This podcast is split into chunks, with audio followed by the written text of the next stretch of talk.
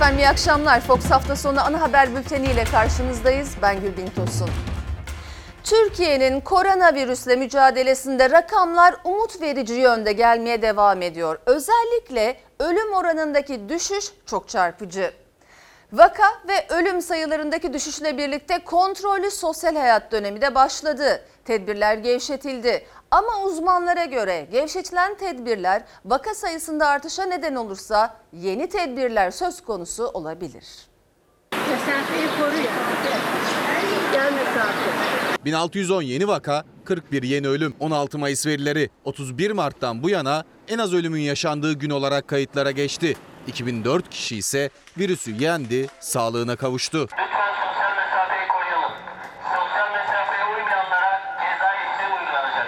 Türkiye'de virüse yakalanan kişi sayısı 11 Mart'tan bugüne 148.067'ye yükseldi. İyileşen sayısı ise 108.137. 4096 kişi hayatını kaybetti. Yoğun bakım ve entübe hasta sayılarındaki düşüş de sürüyor. Salgın önlemleri kapsamında kontrollü sosyal hayata geçilse de 14 büyükşehir ve Zonguldak'ta uygulanan 4 günlük sokağa çıkma yasağı ikinci gününde. Uzmanlar da bu önlemlerin hayati olduğu konusunda hemfikir. Hatta rehavet konusunda endişeli. Özellikle AVM'lerin açılması uzmanları endişelendiriyor. bir miktar sanki reha- rehavetimiz miktar var gibi görünüyor. Bunun ne kadar yansıyacağını değerlendirmek için henüz erken. Ee, şunu biliyoruz biz. Virüsü aldıktan sonra ilk şikayetlerin başladığı zaman genellikle 6 ila 7. günler. O nedenle bizim pazartesi salının yansımasını görmemiz için önümüzdeki pazar pazartesi olacak. Bunun bize ne kadar etki yarattığını görmemiz gerekiyor. 11 Mayıs'ta alışveriş merkezleri yeniden çalışmaya başladı. Sadece ilk 3 günde 3 milyon 400 binden fazla kişi tarafından ziyaret edildi. Yani temas da bulaşma riski de arttı. Haftanın ilk gününde de etkilerinin koronavirüs sayılarında kendini göstermesi bekleniyor. Habertürk televizyonuna konuşan bilim kurulu üyesi Profesör Doktor Ateş Kara, vaka sayısı artarsa tekrar bir kısıtlamanın söz konusu olabileceğini söyledi. AVM'lerin açılması gibi, kuaförlerin, berberlerin açılması gibi bu ilk attığımız adımda da bir miktar tabii ki yukarı doğru çıkış olabilir ama bu çok belirgin olmayacaksa veya rakamlarımızda bizim ileriye doğru bir gidişata neden olmayacaksa, tablonun uzamasına neden olmayacaksa evet o zaman diyebiliriz ki biz devam edelim.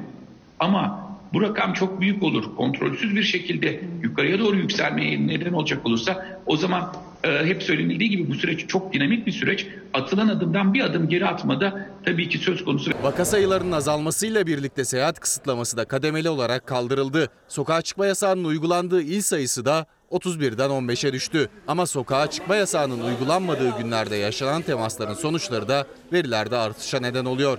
Yani risk geçmiş değil.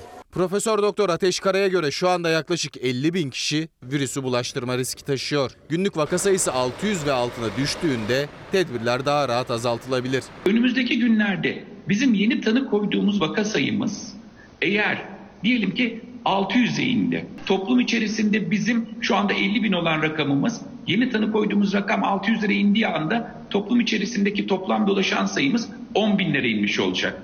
İşte o zaman şunu söyleyebiliriz. Artık 80 milyonun içerisinde 10 bin çok küçük bir rakamdır ve biz seyahate de daha kolay izin verebiliriz. Ateş Kara umut veren bir araştırmayı da paylaştı. Harvard Üniversitesi'nde yapılan çalışmaya göre 25 derece üzerindeki hava sıcaklığında Covid-19'un bulaşma oranının azaldığını tespit edildiğini duyurdu. 1 derece yükselme bulaşta %3,1 azalma sağlıyor dedi. Ama yine de önlemlerin sürdürülmesi gerektiğinin altını çizdi. 15 il dışında seyahat yasağı bulunmayan şehirlerde toplu taşıma için önlemler devam ediyor. İçişleri Bakanlığı yaz döneminde artacak seyahatler için 81 il valiliğine genelge gönderdi. Toplu taşıma araçların kapasitesinin yarısı kadar yolcu alınmasına yönelik denetimler ve maske kontrolleri sıkılaştırılacak. 65 yaş ve üzeri vatandaşlar bugün ikinci kez sokağa çıktı. Mevsim normallerinin üzerinde seyreden sıcaklık nedeniyle saatler esnetildi. 12'den 18'e kadar izin verildi. Ancak pek çok şehirde dışarıya çıkanlar açık alanlarda dolaşmakta zorlandı. Bugün özgürüz. Siz saat 12 olur olmaz dışarı çıktınız mı? Çıktık. Tam 12'de çıktık. 12'ye 5 kala çıktım. 6'ya kadar müsaade var. Maske Saat e, 12 itibariyle hemen çıktınız mı? Hemen çıktım. Vallahi çıktık hemen ben hemen dedim toparlan hemen çıkalım. Çünkü hep evde kapalı çıktık kaçtık Evet, sokağa. evet. Hep 12'de biz fır Hazırlandık dışarı. evet. Heyecanlıydılar. Dakikalar kala hazırdılar. Maske, şapka, gözlük ve şemsiyelerini yanlarına alıp saatler tam 12'yi gösterdiği anda dışarı çıktılar. Sosyal hayatta normalleşme adımlarıyla birlikte geçen hafta ilk kez sokağa çıkmıştı 65 yaş ve üzeri. Bu hafta ikinci kez sokaktalar. Yalnız saatlerinde bir güncelleme oldu. Geçen hafta 11 ila 15 saatler arasında dışarıdalardı. Bu hafta Cumhurbaşkanı Erdoğan'ın talimatıyla 12 ila 18 saatler arasında dışarıda olacaklar. Saatin gelmesiyle birlikte sokaklar, caddeler, meydanlar dolmaya başladı. Sıcak havadan etkilenseler de son ana kadar dışarıda kalmak isteyenler vardı. Yandım bu saat olmaz. Çok yanlış bir saat. Yani bizim için hiç son derece zararlı. Kafam pişti. Birdenbire çıktık. Korkunç bir sıcak var. Bu sıcakta dolaşılmaz. Hava çok sıcak. Gerek yok yani. Biz bir iki saat e, sahilde biraz yürüyüş yapıp geleceğiz. Bize lazım olan da o zaten. Son dakikaya göre kalacağız. Kalacağız vallahi. Çünkü bir Kararlıyız. hafta daha evde kalacağız. Sokağa çıkma kısıtlaması kapsamında herkes evlerindeyken kimi 65 yaş ve üstü aylardır görmedikleri çocuklarıyla, torunlarıyla buluştu. Ama uzaktan ve sosyal mesafeye dikkat ederek arkadaşlarıyla hasret giderdiler. Geçen hafta dışarı çıkmış mıydınız? Çıktım. Şurada çok yakında oğlum var, torunum var. Oraya gittik. Tabii sosyal mesafeyle oturduk. Ama ilk defa görüşüyoruz iki aydan beri. E, Bir aydır görmüyordum. Kızımla buluştum. Çok iyi oldu. Özlemiştim çok. Bu hafta sonu için sıcaklık alarmı verilmişti. Saat aralığında değişikliğe gidildi. 12 ile 18 saatleri arasına izin çıktı. İstanbul'da hava sıcaklıkları bugün mevsim normallerinin çok üzerinde seyrediyor. 65 yaş ve üzeri de yürüyüş yaparken zorlanıyor aslında. Onlar kendileri için belirlenen bu gün ve saatten pek de memnun değiller. Kalmayacağım dışarı. Sıcak hava çok sıcak. Dayanamıyorum. Şimdi bir eve düşsem rahatlayacağım. Saat olarak da çok kötü. Yani tam sıcağın bağrında yani saat 12'de veriyorsunuz izni. Saat 6'ya 6'ya kadar değil 8'e kadar yapsanız ne olacak? Antalya ve Adana'da ise durum çok daha zordu. Adana'da termometreler 42 dereceyi gösterdi. Bu 1929 yılından bu yana Mayıs ayında ölçülen en yüksek sıcaklık değeriydi. Antalya'da 1945 tarihinden bugüne tüm zamanların Mayıs ayı sıcaklık rekoru kırıldı. 65 yaş ve üstü dışarı çıkmak için bir nebze olsun sıcağın etkisini yitirdiği 16-17 saatleri arasını tercih etti. Salgın başladığından bu yana sokağa çıkma yasağına tabi olan 65 yaş ve üstünün tek sıkıntısı hareketsiz kalmak değil. Bankalardan emekli maaşlarını çekemeyenler de var. Üstelik evde kalmak zorunda oldukları süre zarfında harcamaları da arttı ve bazı istekleri var. Hepsi buraya kadar doldu. Hepsi buraya kadar doldu. Niye doldu? Tek başıma yaşıyorum. Ne muhtarlıktan, ne belediyeden, ne kaymakamlıktan, ne bir yerden. Hiçbir kimse gelip benim kapı sen de öldü mü kaldı mı demedi bana. Gidip bankadan paramı almam lazım. Ona da gidemiyorum. Niye gidemiyorum? Yasak. Param varken çayla, ekmekle Ramazan tuttum mübarek günde. Bana yazık değil mi? Niye beni arayıp sormuyorlar? Yaklaşık iki aydır evinde 84 yaşındaki Haşim Namlı. Emekli maaşını çekemediği ve yalnız bırakıldığı için biraz da sitemli. Sağlıklarını korumak için 65 yaş ve üzeri bugünlerde eve kapanmak zorunda olsa da yaşadıkları bazı sıkıntılar var ve o sıkıntıların çözümü için talepleri. Hele bu Covid-19 salgın günlerinde sıkıntımız bin kat arttı. Elektrik, su, doğalgaz gibi yaşamsal konularda %50 indirim yapılmalı. Emekli maaş, promosyon, ikramiye şartlarına göre artırılsın istiyoruz. 65 yaş ve üzeri bugün sokakta ancak resmi kurumlar başta olmak üzere bankalarda bugün kapalı. Bu yüzden birçoğu emekli maaşını çekemedi. Çünkü bankamatik ve internet bankacılığı kullanmayı bilmeyenler var aralarında. Bu yüzden talepleri var. Hafta içi bir gün dışarı çıkabilmek ve bankalardan emekli maaşlarını çekebilmek. Hafta içi bir gün izin olursa bankalardaki işimizi hallederiz diye biz de onu konuşuyorduk. Bizzat gidip halledeceğimiz işler oluyor. Yani her şey internetten, telefonla olmuyor. 65 yaş ve üzerine getirilen sokağa çıkma yasağıyla birlikte emekli eve kapanınca hareketi kısıtlandı. Ancak harcamaları öyle olmadı. Elektriği, suyu, doğalgazı daha çok kullanınca faturalar katlandı. Mutfak masrafları da arttı. Elektrik, su hepsi onlar e, en az iki katına çıktı. Mutfak masrafları ikiye katlandı. Oturan insan ne yapacak? Ye, iç, yat. Geçen aylarda da hiç hesabımız tutmuyordu. Devamlı içerideydik zaten. Bu ay daha fazla içerideyiz. Bir yiyeceğim var. içeceğim var. İşte elektrik parası, su parası, doğalgaz parası biraz yıprattı yani bizi. Mutfak masrafı bu ay çok kötü. Maaşımı da geçiyor bu sefer. Ne kadar maaş alıyor? 2004 lira. 2250 lira mutfak masrafı gitti. Bu ay. 77 yaşındaki emekli İlhan Ulubay'ın da zorunlu harcamaları arttı. Emekli maaşını çekemediği için bir kenarda biriktirdiği kötü gün parasını harcıyor. Banka kartım yok. Onu verecekti banka. Bu korona girince verilmedi. E nasıl para çekeceksiniz? Çekemiyoruz işte. Para bankada bloke edildi duruyor şu anda. İki aydır emekli maaşını alamıyorum. 65 yaşındaki Kenan Türker ise bu ayki emekli maaşının bir kısmını borcunu kapatmak için kasaba verecek. Bakın eee, kasaptan yani tavuk mavuk ette fazla değil yani. Şu kasabın kartı bakın şurada bir hesap edin. Bu ne hesabı efendim? Bana buradan bunları tavuk mavuk aldım devamlı. Bana yazıyor emekli maaşımı alınca gidiyorum veriyorum. Ama şu anda e, oraya gidince 500 lirasını anca verebileceğim. Bir buçuk iki ay olmadı yani bu alışveriş yapalı. Sayın seyirciler korona yardımları Adana'nın Yüreğir ilçesini karıştırdı. Vefa Destek Grubu'nun yardımı ile ilgili tartışma önce adliyeye taşındı sonra cezaevinde noktalandı. CHP'nin ilçe gençlik kolları başkanı Eren Yıldırım gözaltına alındıktan sonra serbest bırakılmıştı. Yapılan itiraz üzerine bu kez tutuklandı. AK Parti ile CHP karşı karşıya geldi. Vefa Sosyal Destek Grubu görevlilerine hem hakaret edip hem fiili saldırıda bulunan güruhun CHP Yüreğir İlçe Gençlik Kolları Başkanı ve beraberindekiler olduğu anlaşılmıştır. Henüz Van'da şehit olan ve Vefa Destek Grubu e, personellerinin acısını yaşarken bu e, bu yönde asılsız suçlamalara maruz kalmak benim için e, kabul edilemez bir durum.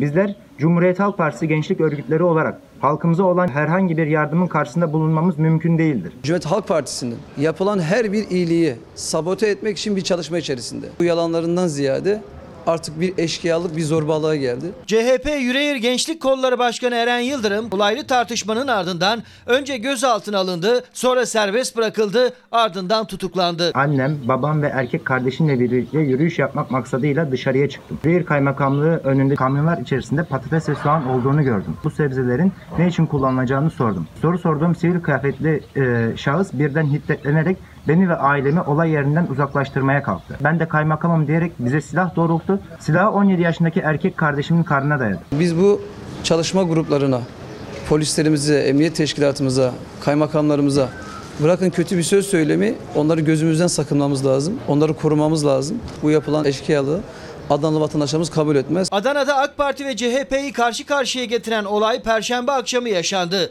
Kendisi de Vefa Destek Grubu ile birlikte çalışan CHP Gençlik Kolları Başkanı Eren Yıldırım iddiasına göre ailesiyle birlikte yürüyüş yaparken kamyonlar içinde gördüğü yardım malzemeleriyle ilgili sorular sordu. Sonrasında ailesiyle birlikte saldırıya uğradı. AK Parti İl Başkanı ise Eren Yıldırım'ın çalışmaya engel olduğunu, kamu görevlilerinin hakaret ve tacize uğradığını söyledi. Sanki saldırıya uğrayan ve silahla tehdit edilen biz değilmişiz de biz onlara saldırmışız gibi gözaltına alındık. Ertesi sabah adliyeye sevk edildik. Serbest bırakıldı. Ancak her ne olduysa AKP il başkanı, milletvekilleri, belediye başkanlarının açıklamaları ile bu olay e, sosyal medya gündemine sanki ben vefa ekibine saldırmışım gibi oturdu. Her nasılsa gece vakti apar topar bir kararla bu defa tutuklanmama karar verildi. Vefa Sosyal Destek Grubu görevlilerine hem hakaret edip hem fiili saldırıda bulunan güruhun CHP Yüreğir İlçe Gençlik Kolları Başkanı ve beraberindekiler olduğu anlaşılmıştır.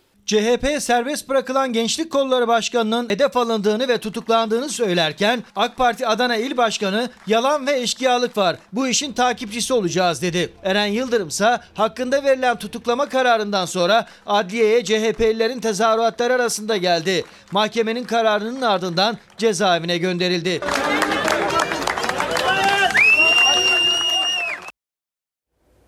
Terör örgütü PKK'nın Van'da Vefa Destek Grubu'na saldırısıyla Adana'nın Yüreğir ilçesinde yaşanan olay arasında Cumhurbaşkanı Erdoğan'ın kurduğu benzerlik hükümetle CHP arasında yeni bir fay hattı yarattı. Erdoğan'ın devlet millet düşmanlarına bu toprakları bırakmayacağız sözlerine CHP Cumhurbaşkanlığı forsu altında terör senaryosu çıkarmak, akıl ve zihin kirlenmesi sözleriyle karşılık verdi.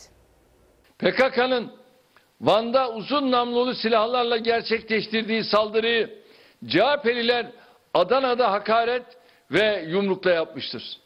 Yöntem farklı. Zihniyet ve amaç aynıdır. Adana Yüreğir Gençlik Kolu Başkanımızın annesi, babası ve küçük kardeşinin yanında kaymakam koruması tarafından silahla tehdit edildiği bir hadiseden Ramazan gününde Cumhurbaşkanlığı forsu altında terör senaryosu çıkarmak korkunç bir akıl ve zihin kirlenmesidir. PKK ile Cumhuriyet Halk Partisi'ni ilişkilendirmenin Türkçe karşılığı müfteriliktir, aymazlıktır, edep dışılıktır. Van'ın Özalp ilçesinde Vefa Sosyal Destek Grubu'na terör örgütü PKK'nın düzenlediği saldırıyla Adana Yüreğir'de yaşanan olay arasında benzerlik kuran Cumhurbaşkanı Erdoğan çok sert sözlerle CHP'ye hedef almıştı. CHP cephesinden aynı sertlikte yanıt gecikmedi. Hala bu partilerin riyakar siyasetleri görememiş olanlar için sadece bu iki hadise dahi başlı başına bir ibret vesikasıdır. Türkiye bu devlet ve millet düşmanlarına evelallah biz bu toprakları bırakmayacağız. Adana'da CHP'li belediyelerimiz vali ve kaymakamların talebi üzerine vefa gruplarında 65 araç 195 personel görevlendirmiştir. Buna rağmen CHP'yi düşman ilan etmek hangi akla hangi izana sığar? bir PKK'lı neden e, bu ülkeye saldırıyor? Devleti meşru görmediği için. Siz saray rejimi derseniz, e, Cumhurbaşkanlığı meşru görmüyoruz derseniz, valiliklerin yaptığı hizmetleri sanki bir siyasi partinin hizmetiymiş gibi nitelendirirseniz böyle bir e, saldırganlık ortaya çıkar. Kendisine itaat etmeyen, biat etmeyen, herkesi terörist gören bir kafayla da sandıkta hesaplaşacağız. Erdoğan ağır ifadelerle CHP'ye yüklendi. Terörle mücadeleden söz ederken terör örgütünün siyasi uzantıları cümlesi dikkat çekti. Hesaplaşma için sandığı işaret etti Erdoğan. Sınırlarımız içinde ve dışında PKK'sından FETÖ'süne kadar tüm terör örgütlerine hayatı zindan edeceğiz. PKK'nın kafasını nasıl dağlarda eziyorsak siyasi uzantılarını da sandıkta Cumhur İttifakı olarak hep birlikte hezimete uğratmayı sürdüreceğiz. Evet Erdoğan doğru söylüyorsun. Millet sandıkta bir hesaplaşma yapacak ve bu hesaplaşmada millet senin 18 yıllık diktatörlüğüne ve saltanatına son verecek. Cumhuriyet Halk Partisi'nin yaptığı muhalefet değil, karşıtlık ve düşmanlıktır. Ve e, düşmanımın düşmanı dostumdur yaklaşımı. Yıkım siyaseti, demokrasiyi felç etme örgütü. Yaşananları istismar ederek siyaseten kullanmaya tenezzül etmek ya akıl noksanlığını ya da yönetenin içine düştüğü çaresizliği gösterir. Yeni alevlenen terör tartışmasını bitmeyen darbe düellosu izledi. Bu darbeci e, anlayış CHP'nin içerisinde hep vardı. 15 Temmuz darbesi için Allah'ın bir lütfu diyen de Erdoğan'dır. Bir darbe sevici arıyorsa Mahir Ünal Erdoğan'a bakacak. 6 ay önce Cumhurbaşkanı Erdoğan'ın övgüyle bahsettiği Tüm Amiral Cihat Yaycı'nın yine Cumhurbaşkanı'nın imzasıyla Deniz Kuvvetleri Kurmay Başkanlığı'ndan Genelkurmay'ın kadrosuna çekilmesinin arkasındaki gerçekler tartışılmaya devam ediyor. Mavi Vatan kavramının isim babası, ordudan FETÖ'cülerin temizlenmesinde kullanılan FETÖ metrenin mucize olarak mu, mucide olarak biliniyordu Tüm Amiral Cihat Yaycı. Görev değişikliğiyle ilgili ortaya atılan en dikkat çekici iddia donanmada FETÖ'cülerle bağlantılı bir ihaleye geçit vermediği ve hakkında soruşturma başlatıldı. Ben Deniz Kuvvetleri Kurmay Başkanı olarak Milli Savunma Bakanı Cihat Yaycı'nın bu kadar e, öne çıkmasını rahatsız oldu ve onu pasifize etmek istedi. Tüm Amiral Cihat Yaycı'nın Cumhurbaşkanı kararnamesiyle bir gecede Deniz Kuvvetleri Komutanlığı Kurmay Başkanlığından alınıp Genelkurmay Başkanı emrine verilmesinin gerekçesi merak edilirken emekli hakim Albay Ahmet Zeki Üçok Hulusi Akar iddiasını gazeteci Saygı Öztürk ise FETÖ'cülerle bağlantılı bir ihaleye geçit vermediği iddiasını gündeme taşıdı. Gölcük Donanma Komutanlığı'nda e, Deniz Kuvvetleri'nde kullanılan torpidoların telleriyle ilgili bir ihale açılıyor. Bu kişinin daha önce FETÖ'cülük suçlamasıyla şirketini kapattığı veya daha sonra bu yeni bir şirketi kurduğu iddia ediliyor. Halen Deniz Kuvvetleri Komutanlığımızın Kurmay Başkanlığını yürüten Tüm Amiral Cihat Yaycı'nın bu konuda hazırladığı raporlar, haritalar, yazdığı makaleler ve kitaplar ortadadır. Cumhurbaşkanı 5 ay önce ismini vererek teşekkür etmişti. Mavi Vatan'da Türkiye adına büyük başarılara imza atan, Libya mütabakatının mimarı olan Tüm Amiral Cihat Yaycı'ya, Türk Silahlı Kuvvetleri içindeki kripto FETÖ'cülerin tespitini sağlayan FETÖ-Metre uygulamasının da mucidi. Ama ön plana çıkması Üçok'a göre rahatsızlık yarattı. Yaycı'nın bir ihale sürecine itirazı da bu süreçte gerekçe gösterildi. Önce Milli Savunma Bakanlığı inceleme başlattı. Sonra Ankara Cumhuriyet Başsavcılığı soruşturma. Mal Muayene Komisyonu inceliyor fakat e, ihale şartlarının olmadığını tespit ediyorlar ve teslim almak istemiyorlar malzemeleri. Bunun üzerine biraz baskı görünce de Cihat Yaycı amireli arıyorlar. Şartlara uygun olmayan bu teller teslim alınmıyor. Firmanın Milli Savunma Bakanlığı'na yazdıkları dilekçede işte yerli ve milli olan firmaların işte gelişmesinin engellendiği, zorluk çıkartıldığı yolundaki iddiası üzerine bu soruşturmanın başlatıldığını öğreniyoruz. İşte Cihat Yaycı ile ilgili aranan fırsat bulunuyor. FETÖ'cüler seviniyor, çalıyor, oynuyor. Birileri FETÖ'nün kabusu olanları pasif göreve çekiyorsa oraya dönüp bir daha bakmak lazım. Cumhurbaşkanının da takdirini kazanmış olan bir komutanın görevden uzaklaştırılması herhalde hukuk müşavirliği tarafından dikkate alınır diye umuyorum. Donanmanın en önemli isminin ihale şartları yerine getirilmediği için gereği yapılsın emri ve bunun üzerine görevden alındığı iddiası. Hem FETÖ'cülerin hem Ege'deki 16 adayla ilgili yazdığı kitap sonrası Yunan basının hedefindeki tüm amiral yaycı Genelkurmay Başkanı'nın emrine verildi. Bildiğimiz kadarıyla komutana itibar suikasti yapıldığı yolundadır. Bu uyduruk dava nedeniyle Milli Savunma Bakanlığı'ndaki mekanizmalar harekete geçiyor. Libya Anlaşması'nın mimarı, Mavi Vatan konseptinin yaratıcılarından FETÖ'cülerin ve Yunanlıların hedefindeki tüm amiral Cihat Yaycı'nın atama kararı çok vahimdir, düşündürücüdür. Emekli hakim albay Zeki Üçok, Milli Savunma Bakanı'nı işaret etti. Gazeteci Saygı Öztürk itibar suikasti dedi. Muhalefet de tepkili. Hakkında soruşturma başlatıldığı için yaklaşan Yüksek Askeri Şura'da tüm amiral Yaycı'nın terfisinin gündeme gelmeyeceği konuşuluyor. Soruşturmanın ise neticesi merak ediliyor. İstanbul Belediyesi'nin başlattığı askıda fatura kampanyası bir gerçekle de örtüştü. Ödenemeyen faturalara bakıldığında ilk sıralarda en yoksul ilçeler vardı. Hayat pahalılığı yüzünden geçinemeyenlere hastalık nedeniyle işini kaybedenler de eklendi. CHP'li Veli Ağbaba'nın da etiketler üzerinden yaptığı çalışma asgari ücretlinin yılbaşındaki zammının çoktan eridiğini gösterdi. Çalışamıyoruz. Çalışamadığımız için de ödeyemiyoruz. Gelirinizde peki bir bozulma oldu mu? Evet, iki aydır çalışmıyoruz.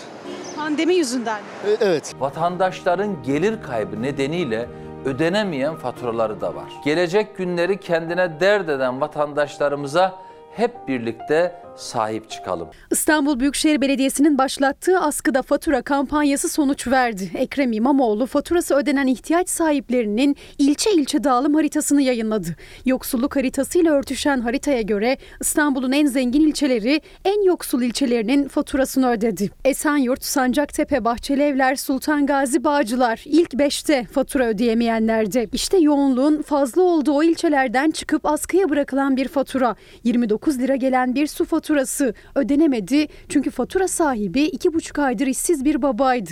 Askıda faturadan yoksulluk gerçeği çıktı. Korona başladığından bugüne kadar su gelirlerinde 213 milyonluk bir kayıp yaşanmaktadır. Suyun kaynağı İSKİ'deki veriler buydu. 213 milyon liralık kaybı kapatmadı ama faturasını ödeyemeyenlerin omzundaki yükü yardımseverler almaya başladı. İstanbul Büyükşehir Belediyesi'nin açtığı askıda fatura internet sitesinde an be an rakamlar güncelleniyor. 4 Mayıs'ta askıda fatura kampanyası duyurulmuştu. İkinci haftasına girmek üzere ve toplam ödenen fatura miktarı 15 milyon lirayı çoktan aştı.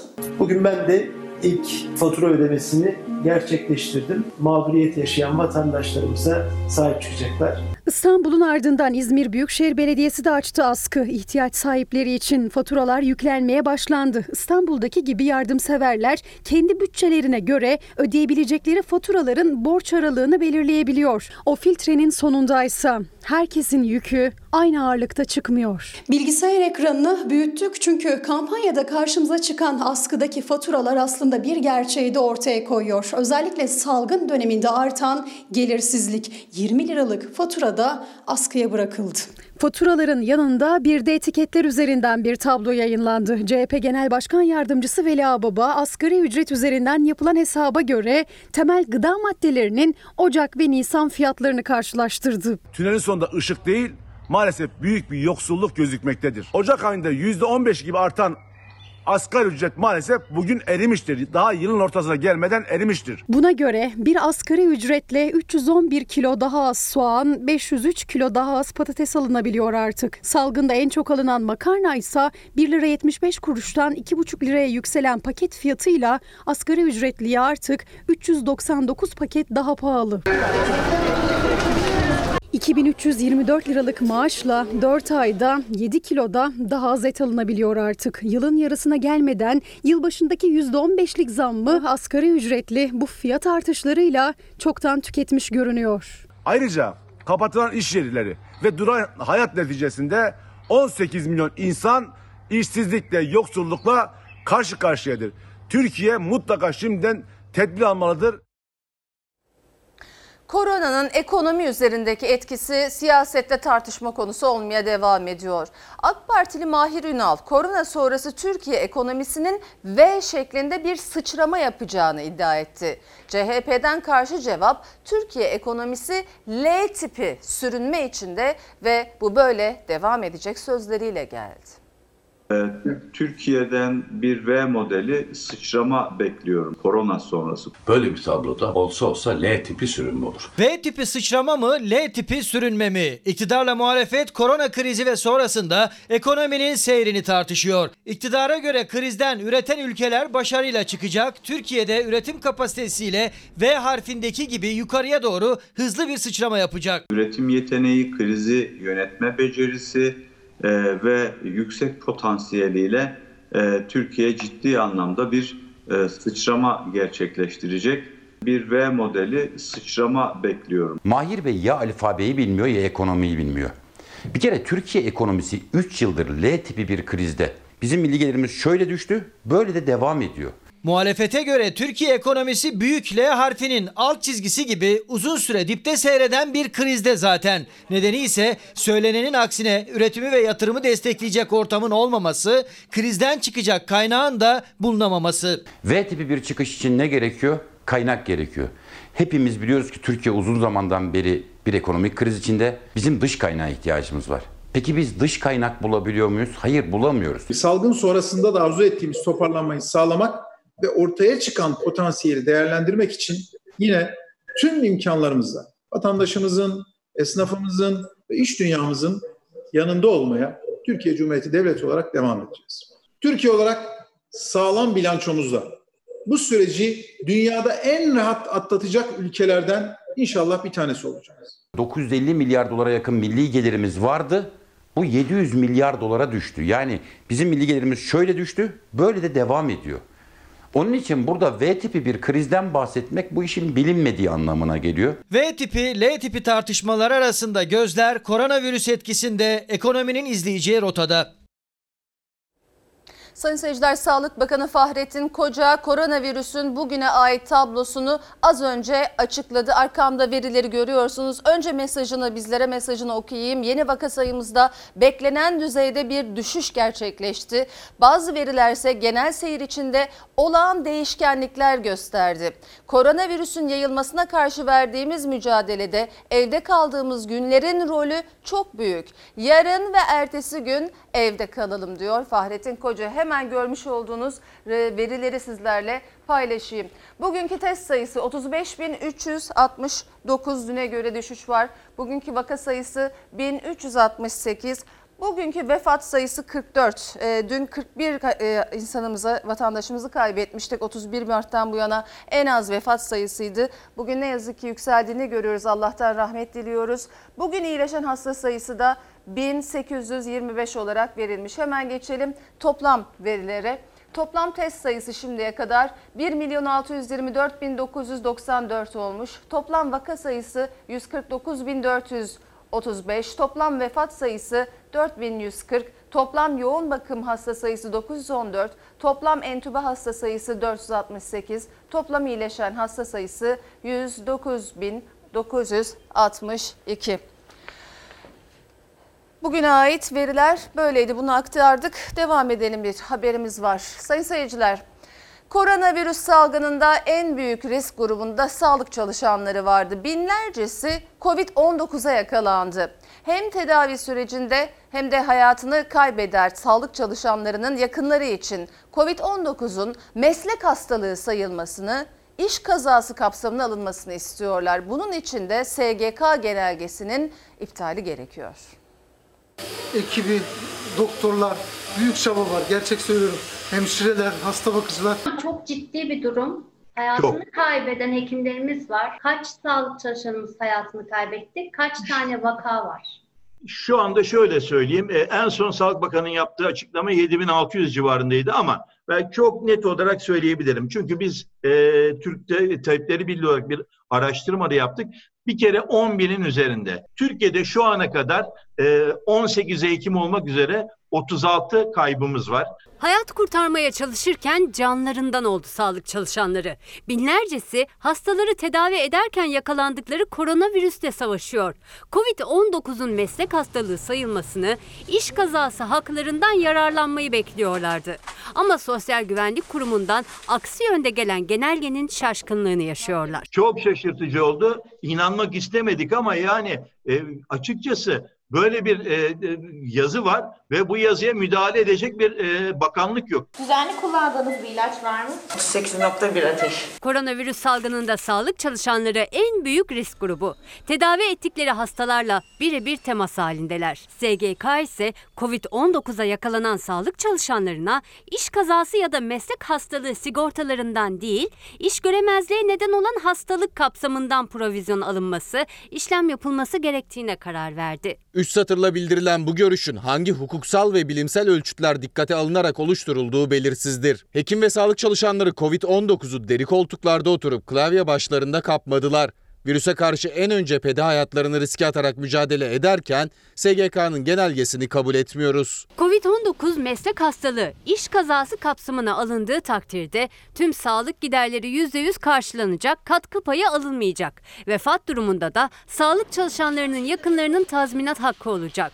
Ama Dünya Sağlık Örgütü'nün de hak olarak kabul ettiği imkanları reddeden SGK'ya tepki var. En önemli risk grubunda sağlık çalışanları, hekimler ve sağlık çalışanları ve COVID-19'a yakalanmış olan ve bu nedenle yaşamını kaybeden hekimlere ve sağlık çalışanlarına karşı çok hürmetsiz bir genelge olduğunu düşünüyoruz bunun. Kimimiz geçirdik, ben de geçirdim e, koronavirüsü. Sonra iyileştik, tekrar görevimizin başına geldik. Türk Tabipleri Birliği de Sağlık Bakanı, Çalışma Bakanı ve Sosyal Güvenlik Kurumu Başkanı'na mektup gönderdi. Kararın düzeltilmesi talep edildi. Biz mücadele ederken, hastalarla mücadele, hastalıkla mücadele ederken, hastalarımızı kurtarmaya çalışırken, toplum sağlığını kurtarmaya çalışırken bu hastalığa yakalanıyoruz. Bunun için de e, hükümetten gereğinin yapılmasını istiyoruz. Koronavirüs önlemleri kapsamında 15 ilde 4 günlük sokağa çıkma kısıtlaması var biliyorsunuz. Bugün kısıtlamanın ikinci günüydü. Sokağa çıkanlar para cezasından kurtulamadı. Kısıtlama kararı bulunmayan ama genel yasaklamaların sürdüğü tatil yörelerinde ise bazı vatandaşların önlemleri çoktan bıraktığı görüldü. İzin belgeniz var mı? Belgem yok. Neden dışarıdasınız? Dolaşayım dedim. İskender. Yasak dinlemediler. Kimi arabasıyla şehir turu attı, kimi denize girip yüzdü, kimi de denizde paraşütle uçurtma sörfü yaptı. Size alalım isterseniz dursun bir sakıncası yoksa. Koronavirüs önlemleri kapsamında 4 günlük sokağa çıkma kısıtlamasının olduğu 15 ille genel yasaklamaların devam ettiği diğer şehirlerde polis denetimdeydi. Aranızdaki sosyal mesafeyi korumanız önerir. Sağlıklı zaten. Eğer maskeniz yoksa temin edebiliriz beyefendi. Var mı maskeniz? Sokağa çıkma yasağı var. Ee, bu kuralı ihlal ettiğiniz için 3180 lira ceza işlem uygulayacağız. Kısıtlamaya rağmen sokağa çıkan bu vatandaş gibi yasağa delenler para cezasına çarptırıldı. İzin kağıdı olup da maske takmayan sürücüler de polisin dikkatinden kaçamadı. Maske takmamışsınız. Yani her gün bas bas bağırıyoruz, anlatıyoruz, anlatıyoruz. Maskesiz çıkılmayacak, maskesiz yasak Güne çıkmışsınız. İstanbul Sultan Gazi'de polis maskesiz iki gence ceza kesmekten son anda vazgeçti. Onun yerine gençlere maske hediye etti. Dışarı çıkabilir sıkıntı yok ama maskesiz çıkamazsın. Abi bu sefer affet. Hatta ben şimdi Hava sıcaklığı birçok şehirde 40 dereceyi ve üstünü gösterdi. Aydın Kuşadası'nda bazı vatandaşlar yasağı delip denize girdi, sahillerde güneşlendi. Sulama kanalları koronavirüs öncesinde de yasaktı ama Adana ve Antalya'da denize giremeyen gençler bütün yasakları hiçe sayıp buralarda serinlemeyi tercih etti. Konyaaltı sahiline girişin kısıtlanmasının ardından hava sıcaklığı da 40 dereceleri aşınca çoğunluğu gençlerden oluşan bir grup bir sulama kanalında serinlemek için yüzüyorlar. Sıcaktan nereye gideceğimizi bilmiyor Allah'ına. Yasak olduğunu bilmiyor musunuz? Yasak olduğunu bilmiyorum.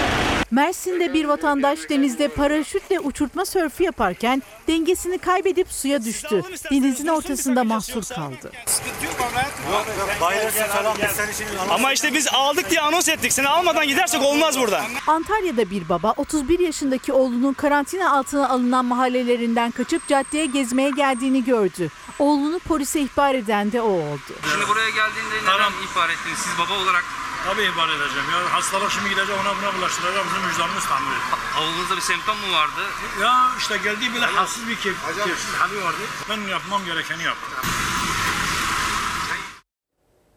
Havaların ısınmasıyla birlikte deniz ve havuzdan koronavirüs bulaşır mı endişesi de başladı. Uzmanlar henüz bu sorunun yanıtını net olarak veremiyor ama riske rağmen kendini serin sulara bırakanlar vardı. Bilim kurulu üyelerinin endişesi ise suda değil ama havuz ve deniz kenarında yaşanabilecek bulaşma riski. Termometreler 40 derecenin üzerini gösterdi. Salgına ve yasaklara rağmen denizde yüzenler vardı. Ege ve Akdeniz sahilleri tatilcilerle doldu. Aydın Kuşadası'na 72 binden fazla araç girdi.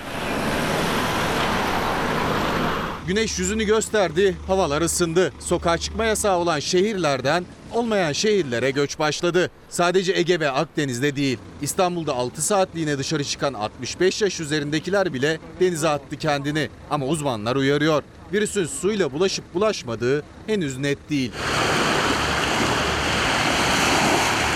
Bu virüsün her özelliğini tam anlamıyla bilmiyoruz. Şu ana kadar havuz ya da deniz suyu ile bulaştığına dair elimizde bir bilgi yok. Ama bu demek değildir ki kesinlikle bulaşmaz. Deniz içinde barındırdığı tuz nedeniyle yine bir nebze olabilir ama havuz için hijyen, temizlik kaç kişinin aynı anda girdiği gibi konularda endişelerim var. Bilim Kurulu üyesi Profesör Doktor Tevfik Özlü, deniz havuza göre daha güvenli olabilir dedi ama endişelerini de dile getirdi. Özellikle plajlarda ve havuz kenarında sosyal temasın artmasıyla virüsün bulaşma riski de artabilir. Belki su ile bulaşmaz ama biz birbirimize pekala bulaştırabiliriz. Cümbür cemaat herkesin havuza atladığı bir ortamda havuzdan çıkarken güneşlenirken mesafenizi koruyamazsanız size de bulaşır. Sahiller iç içe geçilen ortamlar maske de takılmamış olunacak. Haliyle bu da riskli. Havuz ve plajların denetlenmesi çok zor. Ortak kullanılan şezlong, havlu gibi eşyalar ve soyunma kabini gibi yerler de virüsün yayılması için uygun ortam oluşturuyor.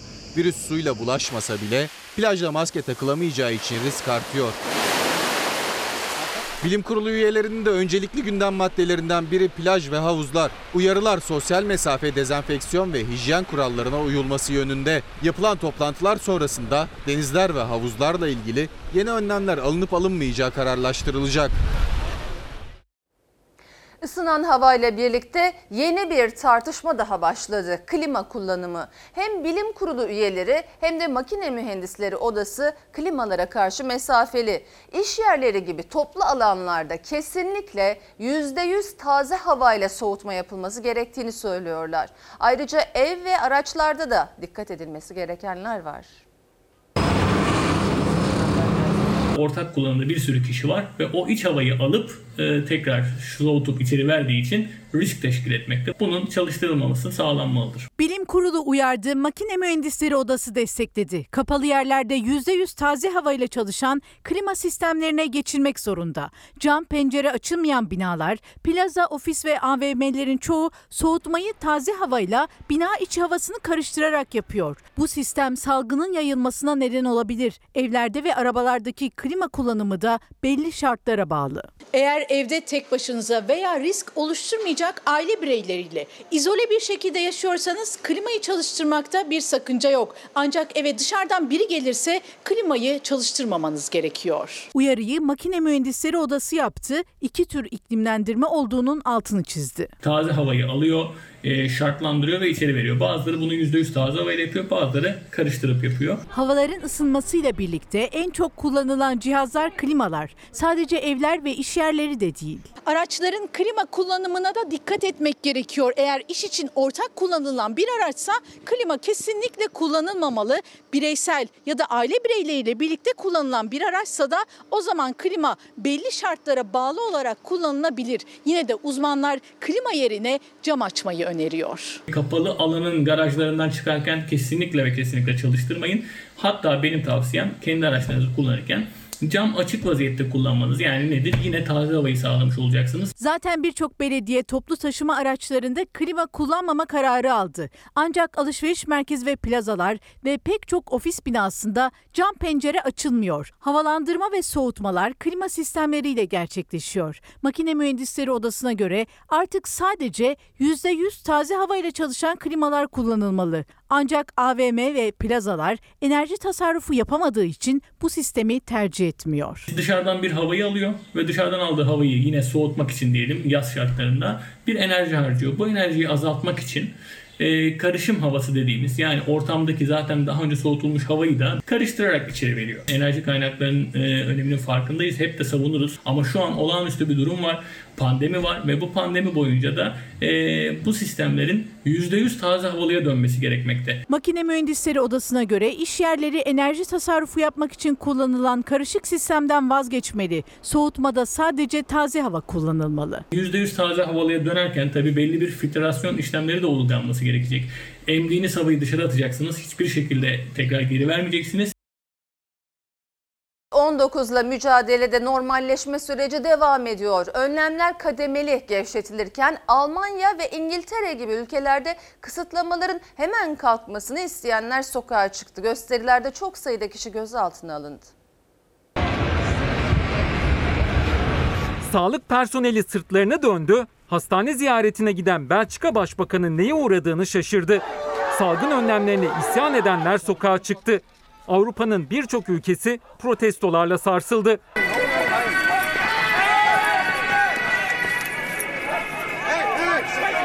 Dünya bir yandan virüse karşı aşı ve ilaç geliştirmeye çalışırken diğer yandan hastalığın yayılmasını durdurmaya çabalıyor. Covid-19 nedeniyle ölü sayısı 315 bini buldu. Vaka sayısının 4 milyon 800 bine ilerlediği salgında iyileşenlerin sayısı 1 milyon 800 bini aştı. Vaka sayısı olarak Brezilya İtalya'yı Hindistan da Çin'i geçti. Bir günde görülen ölümlerin giderek azaldığı Avrupa'da öncelikli gündem hayatın normale dönmesi. Sıkı karantina sonrası normalleşme adımları atan ülkelerden İspanya'da bir ilk yaşandı. İki aydan bu yana bir gün içinde Covid-19'dan ölenlerin sayısı ilk kez yüzün altına düştü. 87 olarak gerçekleşti. Toplam can kaybı 27.650 oldu. Önlemlerin kademeli gevşetilmesinden memnun olmayanlarsa sokaktaydı. İngiltere, Almanya ve Polonya'da kısıtlamaların bir an önce tamamen kaldırılmasını isteyen gruplar gösteri düzenledi.